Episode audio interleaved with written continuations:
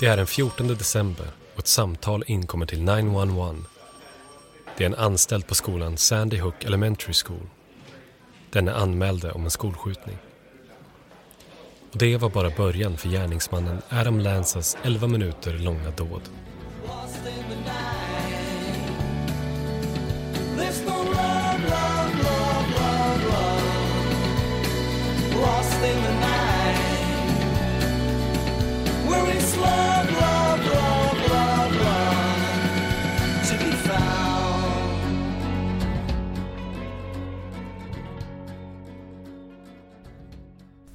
Hej och välkommen till en ny säsong av Lägerelden. Hoppas ni uppskattade julspecialen och återigen tack till Rickard Grönberg som var julvärd. Och sen vill jag även tacka våra uppläsare. Men nu är vi tillbaka i säsongen och i det här avsnittet så ska vi prata om skolskjutningar. Och vi ska ta upp Sandy Hook Elementary School, Columbine-massakern och Texas Tower Sniper. Men innan vi fortsätter med podden så vill jag ge ut en varning för eh, speciellt det här första fallet. Då det är barn mellan eh, 6 och 7 år som är offer tyvärr. Men innan vi börjar med Sandy Hook Elementary School-attacken så tänkte jag att jag ska ta upp lite alternativ om just du som hör det här skulle bli ett offer för en skolattack. Dock vill jag lägga in att det inte är vanligt här i Sverige att vi drabbas av det. Det är endast sex fall här i Sverige vad jag har kunnat hitta. Men här är lite instruktioner. Det finns tre bra alternativ. Först är utrymning. Utrymning kan vara en bra strategi om byggnaden du befinner dig i är exempelvis bombhotat eller om du känner att du kan ta dig ut utan att gärningsmannen upptäcker dig. Inrymning är en annan bra strategi. Det är alltså motsatsen till utrymning. Man håller sig kvar i byggnaden och försöker att gömma sig i klassrum, personalrum med mera. Sedan så ska du släcka lamporna om det är möjligt och vara tyst. Du ska även undvika fönster och dörrar. Detta för att undvika att hamna i skottzonen för både gärningsmannen och poliserna. Då poliserna kan misstänka att du är gärningsmannen. Den tredje och sista strategin är utestängning. Denna strategin innebär att du eller en lärare låser och blockerar dörrar och fönster. Om ni bedömer att, att ni hinner det. Detta är för att förhindra att gärningsmannen inte kommer in i byggnaden. Men innan vi fortsätter eh, så ska vi lyssna på ett samtal eh, från Sandy Hook Elementary School-attacken. Först kommer vi spela upp det vanliga originalsamtalet. Sen kommer jag och Sara Nilsson att läsa upp det. Jag som eh, dispatcher och Sara Nilsson som läraren. Newtown 911, what's the location of the Hi. emergency? Sandy Hook School. I think there's somebody shooting in here. Sandy Hook School. Okay, what makes you think that? Because somebody's got a gun. I saw a glimpse of somebody. They're running down the hallway. Okay, But they're still running. They're still shooting. Sandy Hook School, please. Newtown 911, vad är din nödsituation och vad är din position? Hej, Sandy Hook-skolan. Jag tror det är någon som skjuter här. Sandy Hook-skolan. Okej, vad är det som gör att du tror det? Eftersom någon har vapen. Jag såg någon som bara sprang i korridoren. Okej, Han springer och skjuter fortfarande. Snälla, Sandy Hook-skolan. men nu fortsätter vi med Sandhook-skjutningen och det är Jesper Gustafsson som läser in det. Jesper, micken är din och kör så det ryker.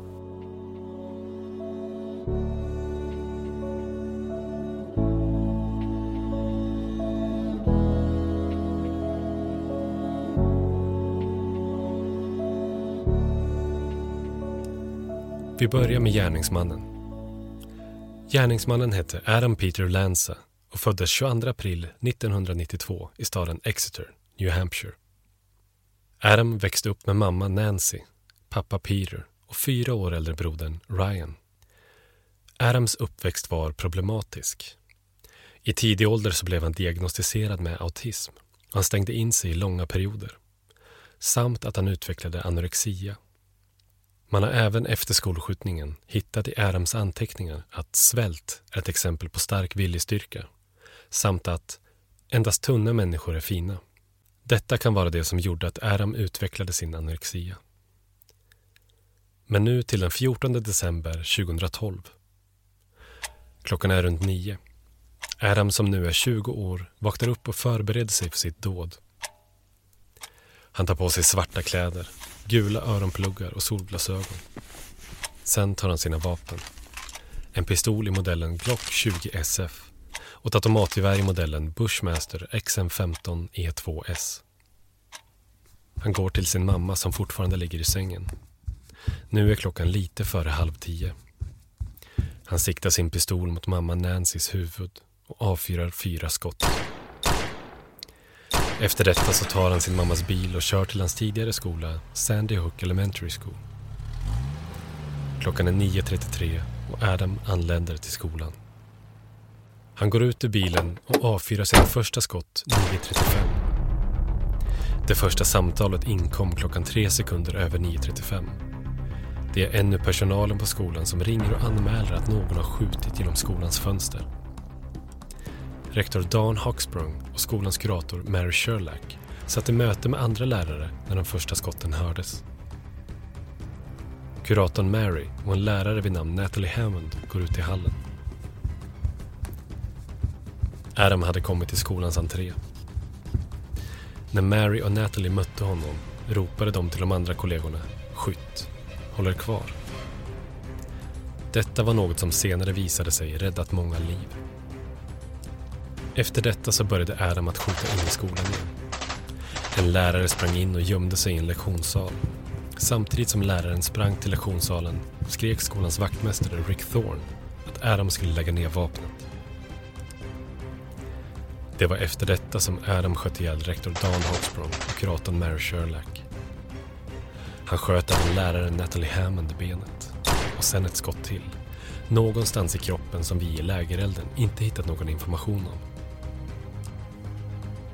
Det vi vet är att Mary Sherlack spelade död och när Adam hade kommit in i skolan och försvunnit så kröp hon till det rum där de andra i mötet var. Efter det så kollapsade hon. Efter detta så fortsatte Adam in i skolan.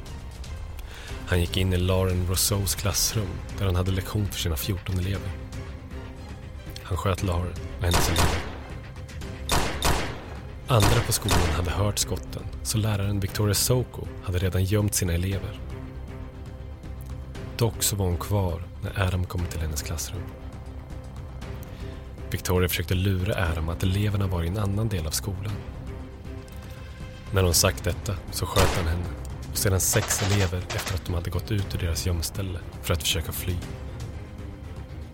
Adam gick sen till vikarieläraren Deborah Pisanis klassrum för att söka upp fler offer. Han mötte då Deborah som precis skulle gå till klassrummet igen. Han sköt henne i foten men gick inte in i klassrummet. Efter detta så gick Adam till skolsköterskan Sarah Cox kontor. Dock så hade hon redan gömt sig under sitt skrivbord så han hittade henne inte. Sarah berättade senare att hon såg Adams fötter när han spatserade i hennes kontor. Sköterskan Sarah och sekreteraren Barbara Halstead träffade på varandra och ringde även dem till 911. Efter detta så gömde de sig i ett förråd i över fyra timmar. Samtidigt så sprang vaktmästaren Rick Thorne och varnade resterande klassrum. De första Newtown-poliserna anlände till skolan 9.39. Ytterligare två poliser kom till skolan några sekunder senare. Klockan tickade till 9.40. Poliserna hörde ett sista skott. Detta tros ha varit Adams självmord. Efter detta så avvaktade Newtown-polisen till 9.44 innan de gick in. Två minuter senare så anlände även Connecticut State Police och gick in. Efter att Adams kropp förts bort från platsen så åkte polisen till Adams hem för att informera hans mamma Nancy om vad som skett. Det var då polisen upptäckte vad Adam hade gjort innan han åkte vidare till skolan. Efter attacken så trodde man att det var Adams storebror Ryan som var skytten. Detta då Adam hade Ryans identifikation på sig. När man förhörde Ryan om detta så sa han att de inte kände varandra längre då de inte haft kontakt med varandra sedan 2010. Detta då han var sjuk och inte pratade med någon. Via förhör med barnen som överlevde attacken så sa en flicka att en pojke i hennes klass hade gråtit och sa Hjälp mig, jag vill inte vara här. På vilket Adam ska ha svarat Nå, du är här. Följt av hamrande ljud, vilket man senare förstod var skott. Senare samma dag så höll president Barack Obama ett tal i live-tv. I det tal så sa han bland annat att man ska hänga flaggan på halvstång vid det Vita huset och att han besökte det sjukhus där de flesta av offren var. Den 10 maj så röstade 28 personer fram att man skulle riva den nuvarande skolan Sandy Hook Elementary School och bygga upp en ny skola.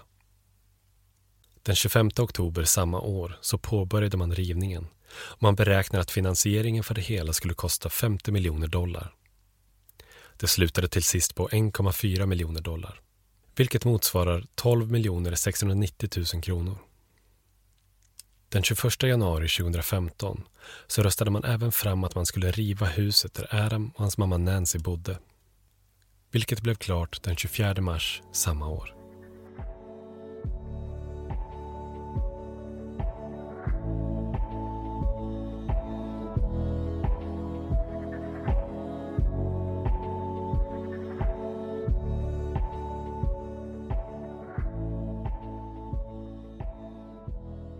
Usch, hatar egentligen dessa fall med barn.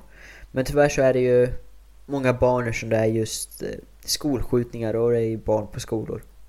Men det är som Rickard sa i julspecialen, att jag varken gillar mord på barn eller äldre. Detta eftersom de är så försvarslösa. Så om ni inte har lyssnat på det så får ni gärna lyssna på de avsnitten med. Men innan vi ska lyssna på nästa historia som är Columbine-massakern så ska vi göra som förra historien. Ni ska få höra en del av ett samtal som kom in till 911. Sedan ska Sara Nilsson och Eva Lundegård läsa upp samtalet på svenska. Dock vill jag varna att vår scen är lite mer autentisk. Så var beredd på det. Jefferson County 911. Yes, I'm a teacher at Columbine High School. There is a student here with a gun. He has shot out a window. I believe one uh, um, um, I've been Columbine High School. I don't know what's in my shoulder. If it was just a last beat through it. Um, Okay, has anybody been injured, ma'am? Yes. Okay. Yes. And the school is in a panic. And I'm in the library. I've got students down under the table, kids. Heads under the table. Um, kids are screaming. Some of the teachers um, are, you know, trying to take control of things. We need police here. We need Okay. Jeffersons County 911. Jag, jag, jag är en lärare på Columbine High School. Det är en elev som har vapen, han har skjutit sönder fönstret. Jag, tror en elev, jag har, jag, jag, Columbine High School. det var som är i min axel och det bara är glas eller någonting. Jag, jag, Okej, har någon blivit skadad frun? ja, ja, och skolan har panik och jag är i biblioteket. Okej. Ja, och skolan har panik och jag, jag är i biblioteket. Jag har elever, elever ner under bordet! Huvuden ner under bordet! Och jag... Alltså barn skriker och lärarna, du vet, de försöker få kontroll över saker och ting. Vi, vi behöver polisen här. Men nu ska vi få lyssna på Columbine-massakern.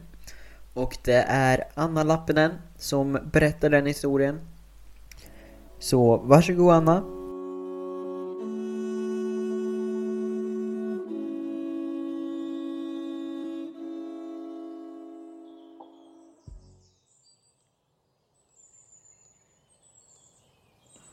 Det är den 20 april 1999 och två vänner vid namn Rachel Scott och Richard Castaldo, som var i 17-årsåldern, sitter utanför skolan Columbine High Schools västra entré. När de först hör smällande skott, som de misstänker bara är smällare som någon eller några har smällt av i närheten. Sedan så ser de två unga män med svarta rockar som sedan tar fram två vapen. Ena är ett avsågat gevär var och ena har en halvautomatisk pistol. När de två unga männen närmar sig Rachel och Richard så ser de vilka de är. Det är sistaårseleverna Eric Harris och Dylan Klebold. Plötsligt så började männen skjuta mot Rachel och Richard. Rachel blev träffad i huvudet, överkroppen och benet av fyra skott och avled. Richard blev träffad i armen, bröstet och buken av åtta skott. Han överlevde dock. Men vad var det som gjorde att Eric Harris och Dylan Klebold valde att utföra en attack mot skolan? Vi börjar från 1996 när Eric Harris och hans familj flyttade från New York till Littleton i Colorado. Eric börjar mellanstadiet och träffar Dylan Klebold. De blir snabbt bästa vänner. När de senare börjar på Columbine High School så blir de utfrysta ur deras klass och blir även mobbade. Detta är något som gör att Eric blir mer utåtagerande och aggressiv under det andra året. När man tar en närmare titt på de båda så märker man att Eric är den som är pratsam och öppen medan Dylan är den som är blyg och reserverad. Men de delar ett hat mot skolan. Detta är en kombo av sportkulturen och sedan den mobbningen de fått stå ut med. I årsskiftet 1996-97 så började Eric Harris att skriva på America Online hur han avskydde samhället men även manualer på bomber. I slutet av 1997 så lämnade Dylan ut webbadressen till en klasskompis vid namn Brooks Brown som både Eric och Dylan tidigare umgåtts med. Men när de senast slutade att umgås så blev Brooks en måltavla på Erics blogg. Detta var något som gjorde honom rädd. Han visade inläggen för sin mamma som senare larmade, larmade till polisen ett flertal gånger. När utredaren Michael Guerra går in på bloggen och läser vad Erik har skrivit så märker han att det är både hat och hot mot lärare och elever på Columbine High School. 1998 så blir Eric och Dylan gripna för stöld. De har tagit verktyg från en parkerad skåpbil. När de båda erkänner så blir de dömda att delta i olika hjälpprogram. Eric och Dylan får gå en kurs för temperamentshantering samt att Eric får gå i terapi i ett års tid. Under denna tiden så börjar Eric att må dåligt. Han får en depression och får självmordstankar. Detta gör att han får ett antidepressivt läkemedel vid namn Zoloft.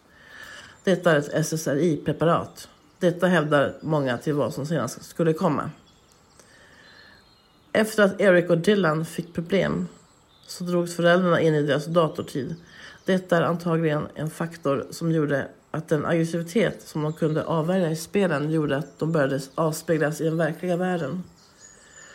Detta gjorde även att de två vännerna gjorde mer olagliga saker och att de hamnade i problem.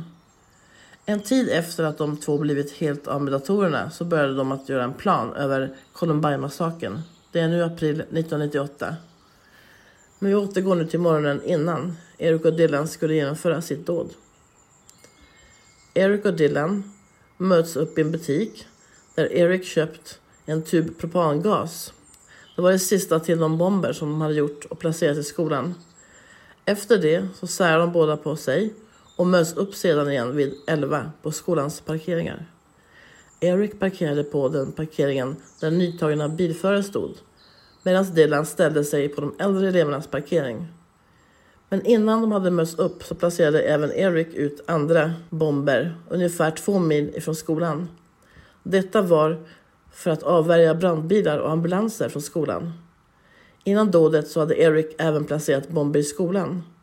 Detta var för när bomberna aktiverats så skulle elever och lärare springa ut och att de då skulle skjuta ihjäl de som sprang ut.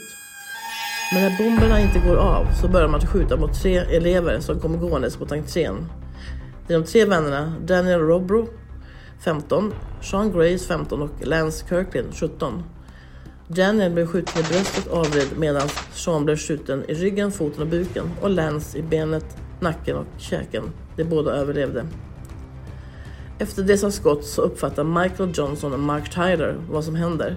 Michael försöker fly, men när en av gärningsmännen upptäcker detta så skjuter han Michael i ansiktet, armen och benet.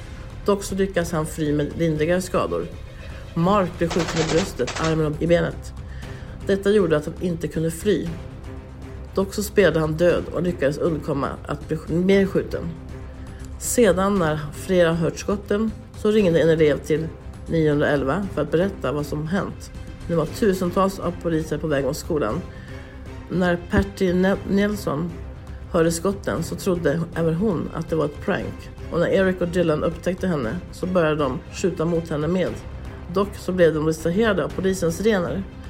Patty blev då endast skadad av glassplitter som hade kastats mot hennes axel. Hon sprang sedan till, in till biblioteket och varnade de elever som fanns i lokalen. Hon ringde då även 911. Det är det samtalet ni hörde i början.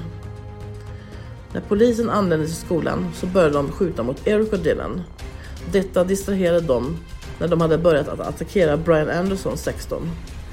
Brian lyckades då fly och gömde sig i personalrummet som var bredvid biblioteket. När Eric var tvungen att ladda om så sprang de båda mot den norra korridoren. Där mötte de eleven Stephanie Manson, 16. De sköt henne endast i vristen och hon lyckades fly till ett hus över gatan. I en korridor så möttes läraren Dave Sanders, 47, och en annan elev. När de två stötte på gärningsmännen så vände de. Dock så avfyrade Eric och Dylan skott och träffade Dave i nacken och ryggen. Efter det så fortsatte Eric och Dylan vidare. Samtidigt så kröp Dave vidare till klassrum SCI-3 där elever höll på att göra prov. När de upptäckte Dave så drog de in honom i klassrummet och försökte att göra den första hjälpen på honom och vissa gjorde en skylt där det stod en för blöder. Efter att Eric och Dylan hade skjutit Dave så gick de till biblioteket där 52 elever, två lärare och två bibliotekarier befann sig. När de kom in i biblioteket så hade de alla gömt sig och Erik sköt sönder en utställningsmonter som var mitt emot bänken som Patty Nielsen var under. Detta skadade eleven Even Todd, 15, dock endast lindriga skador. Erik började skrika ”ställer upp”. Detta ska man även höra i inspelningen av samtalet. När ingen ställde sig upp så fortsatte Erik med alla med vit keps ställer upp och alla jocks, alltså de med sportintresse, ställer upp. Men när ingen ställde sig upp denna gången heller så började Erik att skjuta ändå. Erik och Dylan började att gå från långsida till långsida. De började sedan skjuta mot eleverna. Det första offret var Kyle Velasquez, 16. Han blev skjuten i huvudet och ryggen och dog. Efter att Eric och Dylan hade dödat Kyle så satte de ner sina väskor som var fyllda med ammunition för att ladda om sina vapen. När Eric och Dylan såg att polisen hade börjat evakuera eleverna så sa en av dem “Döda snutjävlarna”. De började sedan skjuta mot dem. Efter att de skjutit mot polisen i några sekunder så tog Dylan sitt hagelgevär och avfyrade det mot Patrick Island 17, Daniel Stapleton 17 och Mackay Hall 18. Patrick blev träffad i foten, benen, benet, armen och huvudet. Daniel träffades i låret och Mackay i knät. De tre överlevde. Efter det så avfyrade Eric ett skott mot Steven Carnow 14 som träffades i nacken och avled. Därefter sköt han Casey Rugseger 17 i handen, armen och axeln. Han skadades bara. Det förekommer sedan att Eric, Eric ska knackat på en av bänkarna där Cassie Bernal, 17, gömde sig för att sedan böja sig ner på knä och säga titt ut och sedan skjuta henne till döds med huvudet. Rekylen av hagelgeväret ska ha varit så hög att han fick den på näsan och bröt den. Detta ska senare visa sig varit falskt. Efter detta så dödade och skadade, skadade Eric och Dylan ytterligare 13 personer. Sju döda och sex skadade. De döda var Isaiah Shows 17 och Matthew Ketcher 16. Ett dödande skott i bröstet. Lauren Townsend 18, flera skott i bröstet, armarna och magen. John Tomlin 16, flera skott i huvudet och nacken. Kelly Fleming 16, ett skott i nacken. Daniel Mauser 15, dödad av ett skott i ansiktet. Corey Porter, 17, dödad av skott i nacken och bröstet. Och de skadade var Lisa Kreutz 18, som blev skjuten i axeln, handen, armarna och låret. Valen Schnorr 18, skjuten i bröstet, armarna och magen. Mark Kington 17, skjuten i huvudet och axeln. Nicole Nolan 16, skjuten i magen. Jenna Park 18, skjuten i knät, axeln och foten. Jennifer Doyle 17, skjuten i handen, benet och axeln. Och till sist Austin och Eubanks 17, skjuten i huvudet och knät.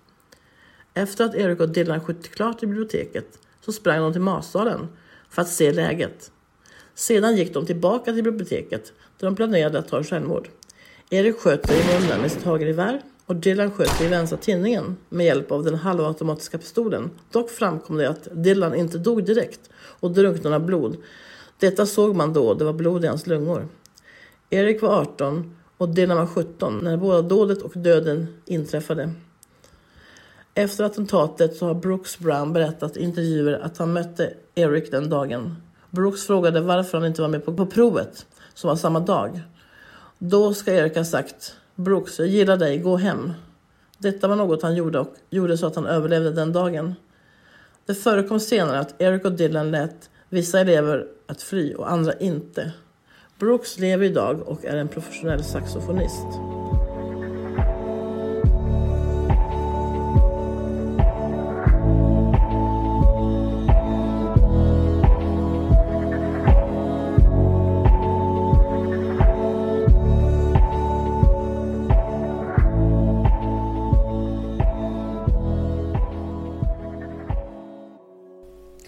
Återigen, usch.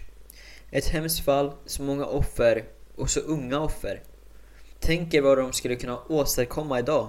Men ja, det enda vi kan göra är att eh, ha empati för familjen och de överlevande offren. Men eh, nu ska vi gå in på det sista fallet och det är Texas Tower Sniper. Och det är Rickard Meseko Grönberg som läser upp det för oss.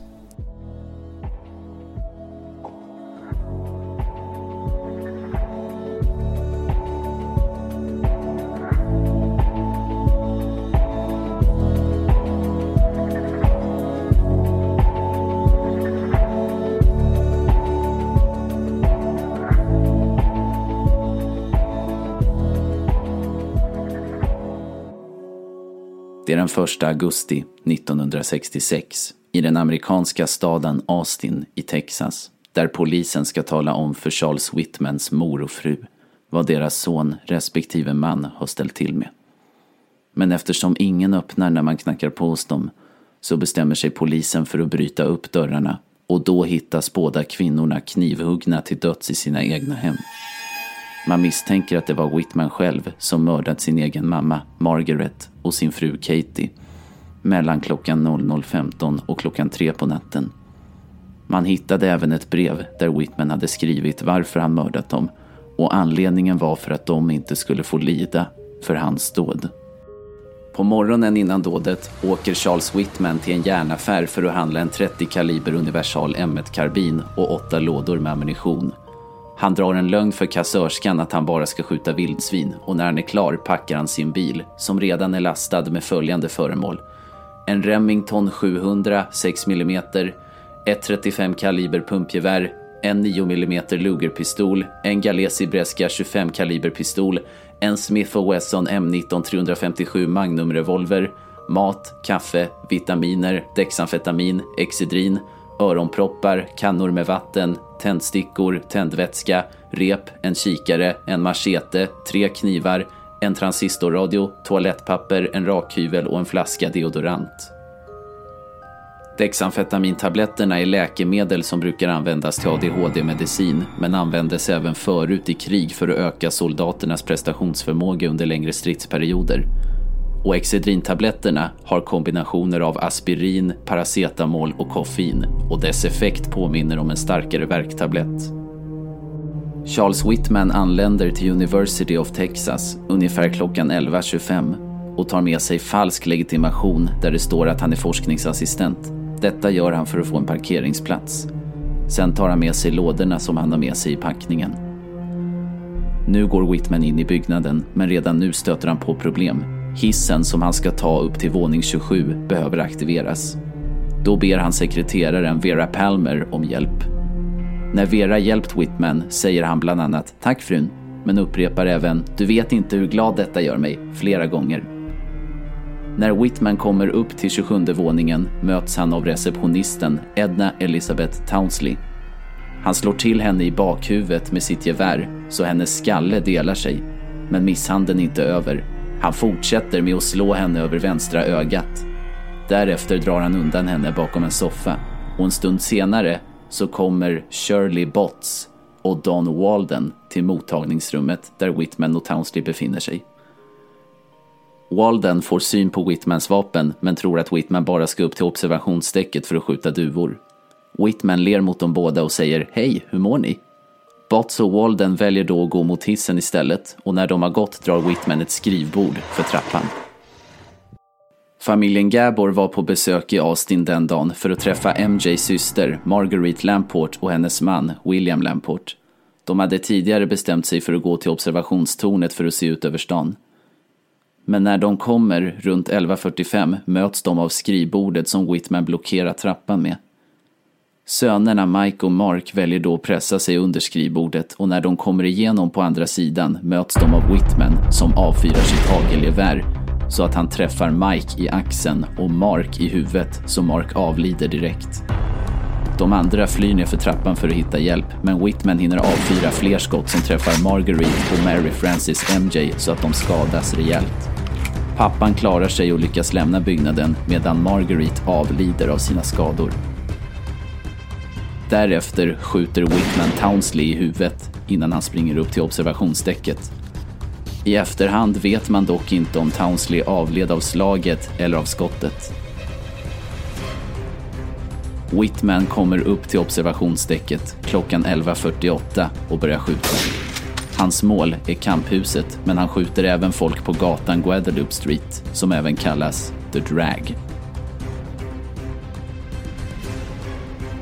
Claire Wilson och Thomas Frederick Ekman lämnar studentkåren när Wilson plötsligt får ett skott i buken som leder till att hennes åtta månader ofödde son direkt avlider.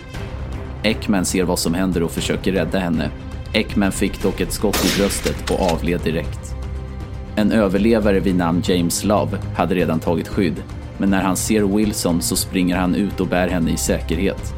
En annan överlevare vid namn Rita Star Pattern tröstar och håller Wilson vid medvetande i en timme. Och efter att Love fört Wilson i säkerhet så hämtar han Ekmans kropp.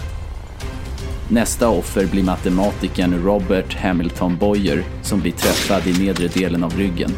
Nästa som blir träffad av skotten är Maitland Huffman som bara blir skjuten i armen. En sekreterare vid namn Charlotte Derry tar mod till sig för att försöka rädda dem. Hon tar skydd bakom en flaggstång för att undvika Whitmans skott och försöker få kontakt med Boyer. Men det är för sent, för han är redan avliden. Istället springer hon till Huffman och för honom i säkerhet. Under tiden var vännerna David Matson, Roland Elke och Tom Herman på väg till lunchen och skulle möta upp vännen Thomas Aquinas Ashton. Men på väg dit blir Ashton skjuten i bröstet och avlider. Whitman avfyrar ytterligare ett skott mot Matsons handled så att en del av handleden splittras. Sen kastar Whitman en granat som gör att Elke får granatsplitter i armen. Han blev dock inte så skadad och försöker då föra Matson i säkerhet. Men då avfyrar Whitman ännu ett skott som träffar Elke i benet. Butiksinnehavaren Homer J. Kelly såg vad som hände och försöker föra de tre i säkerhet, men får själv ett skott i benet. Studenten Nancy Harvey och den UT-anställde Ellen Evganides befinner sig i tornet som Whitman skjuter ifrån. Men innan skottlossningen så skulle de två gå ut och äta lunch. Och när de hör skotten springer de tillbaka till tornet och när de kommer in dit igen tar de skydd. Men efter att skotten upphört ett tag så sa en säkerhetsvakt att det var okej att utrymma lokalen. Så Harvey och Evganides hann komma 100 meter innan ännu ett skott avfyrades som träffade Harvey i höften och samma skott träffade även Evgenides i vänstra benet. Alec Hernandez, som är ute och levererar tidningar, blir skjuten i benet och nästa offer blir Karen Griffith, som blir träffad i både axeln och bröstet. Skottet punkterar hennes högra lunga och hon avlider sju dagar senare på sjukhus. Studenten Thomas Ray Kerr såg vad som hände och sprang till Griffiths undsättning. Då avfyrar Whitman ännu ett skott som träffar Thomas i ryggen. Han skadades och avled ungefär en timme senare. Studenten David Hubert Gumby var på väg till biblioteket för att hämta en bok som han hade glömt då skottlossningen påbörjades. På väg in i biblioteket får han ett skott i vänstra överarmen som sedan skär igenom buken och därefter genom hans tunntarm. En stund senare kommer det nygifta paret Brenda och Adrian Littlefield ut från tornet. Då avfyrar Whitman ett skott som träffar Brenda i höften och hennes man Adrian böjer sig över sin fru för att hjälpa henne. Men då avfyrar Whitman ännu ett skott som träffar Adrian i ryggen. Nu har polisen hunnit bli tillkallad och räddar paret Littlefield. Paret Claudia Ratt och Paul Bolton Sontag skulle möta upp en väninna vid namn Carla Sue Wheeler. De hade nu börjat höra skotten och tar till flykten bakom en byggnadsbarrikaderad. Men innan de hinner ta skydd blir Sontag skjuten i munnen och avlider. Ratt såg vad som hände och försöker ta sig till Sontag. Men deras väninna Wheeler håller fast Rat som skriker i förtvivlan. Detta var något som Whitman uppfattade och avfyrade ännu ett skott som träffar Wheelers vänstra handled och därefter träffar Rat i bröstet och hon avled direkt. Roy Del Schmidt, som också hörde skotten, tar skydd bakom sin bil, som var 500 meter från tornet. Där sitter han i ungefär en halvtimme innan han får ett skott i buken som dödar honom direkt. Samt att han var den som dödades längst från tornet. Polisen Bill Paul Speed och hans kollega står utanför en dekorationsaffär i köpcentret South Mall. Då blir Speed skjuten och förs till sjukhus, men avlider senare av sina skador. Vi har dock inte hittat var någonstans Speed blev skjuten. Studenten Harry Walshack hade precis kommit ut ur en tidningsaffär, men dör av ett skott i bröstet. Baskettränaren Billy Snowden hade tagit sig över 500 meter från tornet, blir träffad i axeln när han står vid entrén till en frisörsalong. En annan student vid namn Sandra Wilson som flydde befann sig på gatan Guadeloupe Street när hon blir träffad i bröstet. Det förlovade paret Abdul Kashab och Janet Paulus flydde på samma gata när de blev skjutna. Studenten Lana Phillips trodde hon befann sig i säkerhet när hon fick ett skott i axeln. Studenterna Oscar Roivella och hans flickvän Irma Gracia befann sig utanför Hogg Auditorium när de sköts. Studenterna Jack Stevens och Jack Pennington såg vad som hände och förde Oscar och Irma i säkerhet. Avelino Esparza träffades i vänster överarm och hans bror och farbror drog in honom i säkerhet. Reporten Robert Hurd och veteranen Marine blev båda skjutna i armen. John Scott Allen tittade genom ett fönster från studentkåren när han fick ett skott i underarmen. Skottet träffade en artär så att han befann sig då i ett dödligt läge, men klarade sig. Begravningsentreprenören Morris Homan hade tagit sitt företags ambulans för att föra de skadade till sjukhuset. Ännu ett skott avfyrades och träffade Homan i det högra benet. Homan har senare berättat att han låg på gatan i ungefär 45 minuter och att han hört hur två byggarbetare diskuterade vem som skulle hämta honom. En av byggarbetarna förde honom i säkerhet efter detta.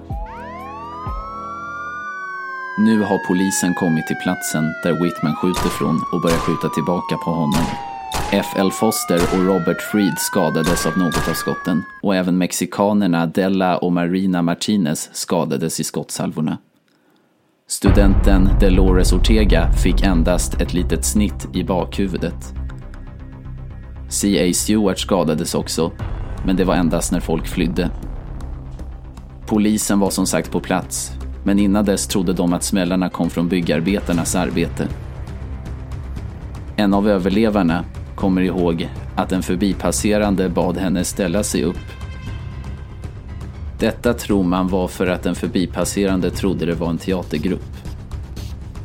Den tjänstlediga polisen Ramiro Ray Martinez hade hört om skotten på nyheterna, så han ringde till polisstationen och frågade om han skulle komma in. Polisen sa att han skulle ta sig till campus för att dirigera trafiken. Så Ray tog sitt tjänstevapen och gick dit. Men när han kom på plats märkte han att det redan fanns andra på plats som gjorde det han skulle ha gjort. Så han letade upp ett team som han kunde följa efter. Han blev därefter dirigerad upp till 27 våningen. Han mötte upp poliserna Cohen, Crum och Day. När de fyra träffades gick de upp till väntrummet och hittade där MJ Gabor, Marguerite Lamport och även Mark, Mary och Mike Gabors kroppar. Mike sa då till Martinez att Whitman var där uppe. Martinez och Crum var på väg upp mot observationsdäcket. Men när de kom till dörren som ledde ut så bad Martinez att Crum skulle stanna kvar. Några minuter senare kom McCoy och Day på plats. Vid någon tidpunkt råkade Crum avfyra sitt gevär. Detta var något Whitman reagerade på och så började han leta vart smällen kom ifrån. Martinez och McCoy gömde sig och när Whitman kom i närheten så hoppade Martinez fram och började skjuta mot honom. Dock så undkom Whitman skotten. Sedan såg McCoy att Whitman stack fram huvudet och McCoy avfyrade ett skott som träffade Whitman mellan ögonen. Och Whitman avled direkt. Sedan avfyrade McCoy ännu ett skott som träffade Whitman i sidan av kroppen. Sedan tog Martinez McCoys hagelgevär och sprang fram för att avfyra ännu ett skott i den nu avlidne Charles Whitmans vänstra arm. Poliserna på marken hade ännu inte uppfattat att Whitman var död, så de fortsatte avfyra skotten upp mot tornet. Under obduktion av Charles Whitmans kropp hittade man en tumör som han hade i den vita substansen ovanför hans amygdala, vilket förklarade varför han var kapabel att utföra detta dåd.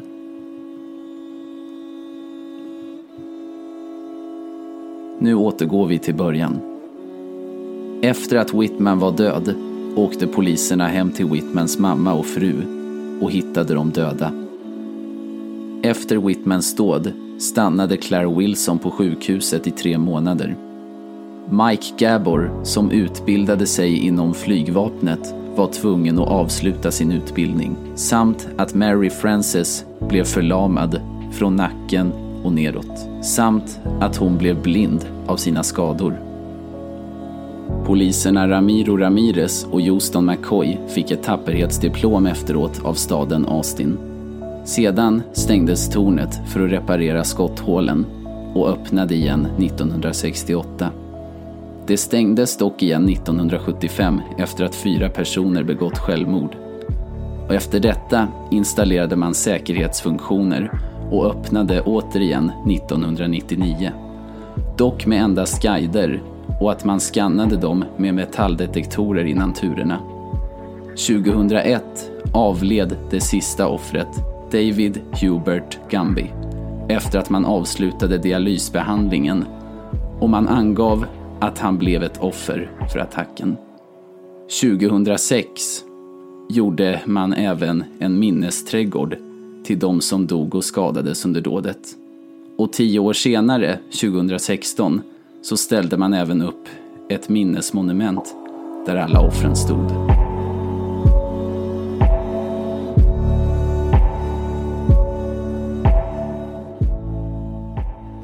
Det här är faktiskt det fallet som berörde mig mest. Jag kände ändå vid ett segment där att eh, jag fick faktiskt lite ångest.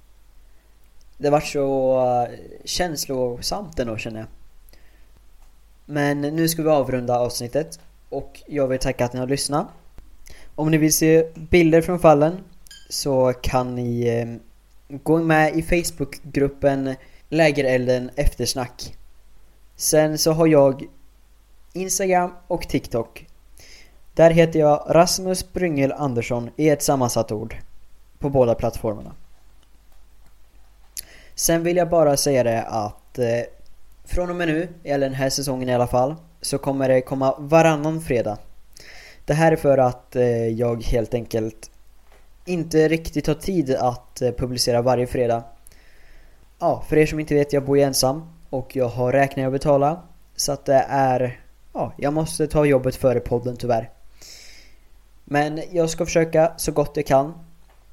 Men fram tills dess så hörs vi inte nu på fredag, men nästa fredag. Tack för att ni har lyssnat. There's no love, love, love, love, love. Lost in the night. where it's love, love?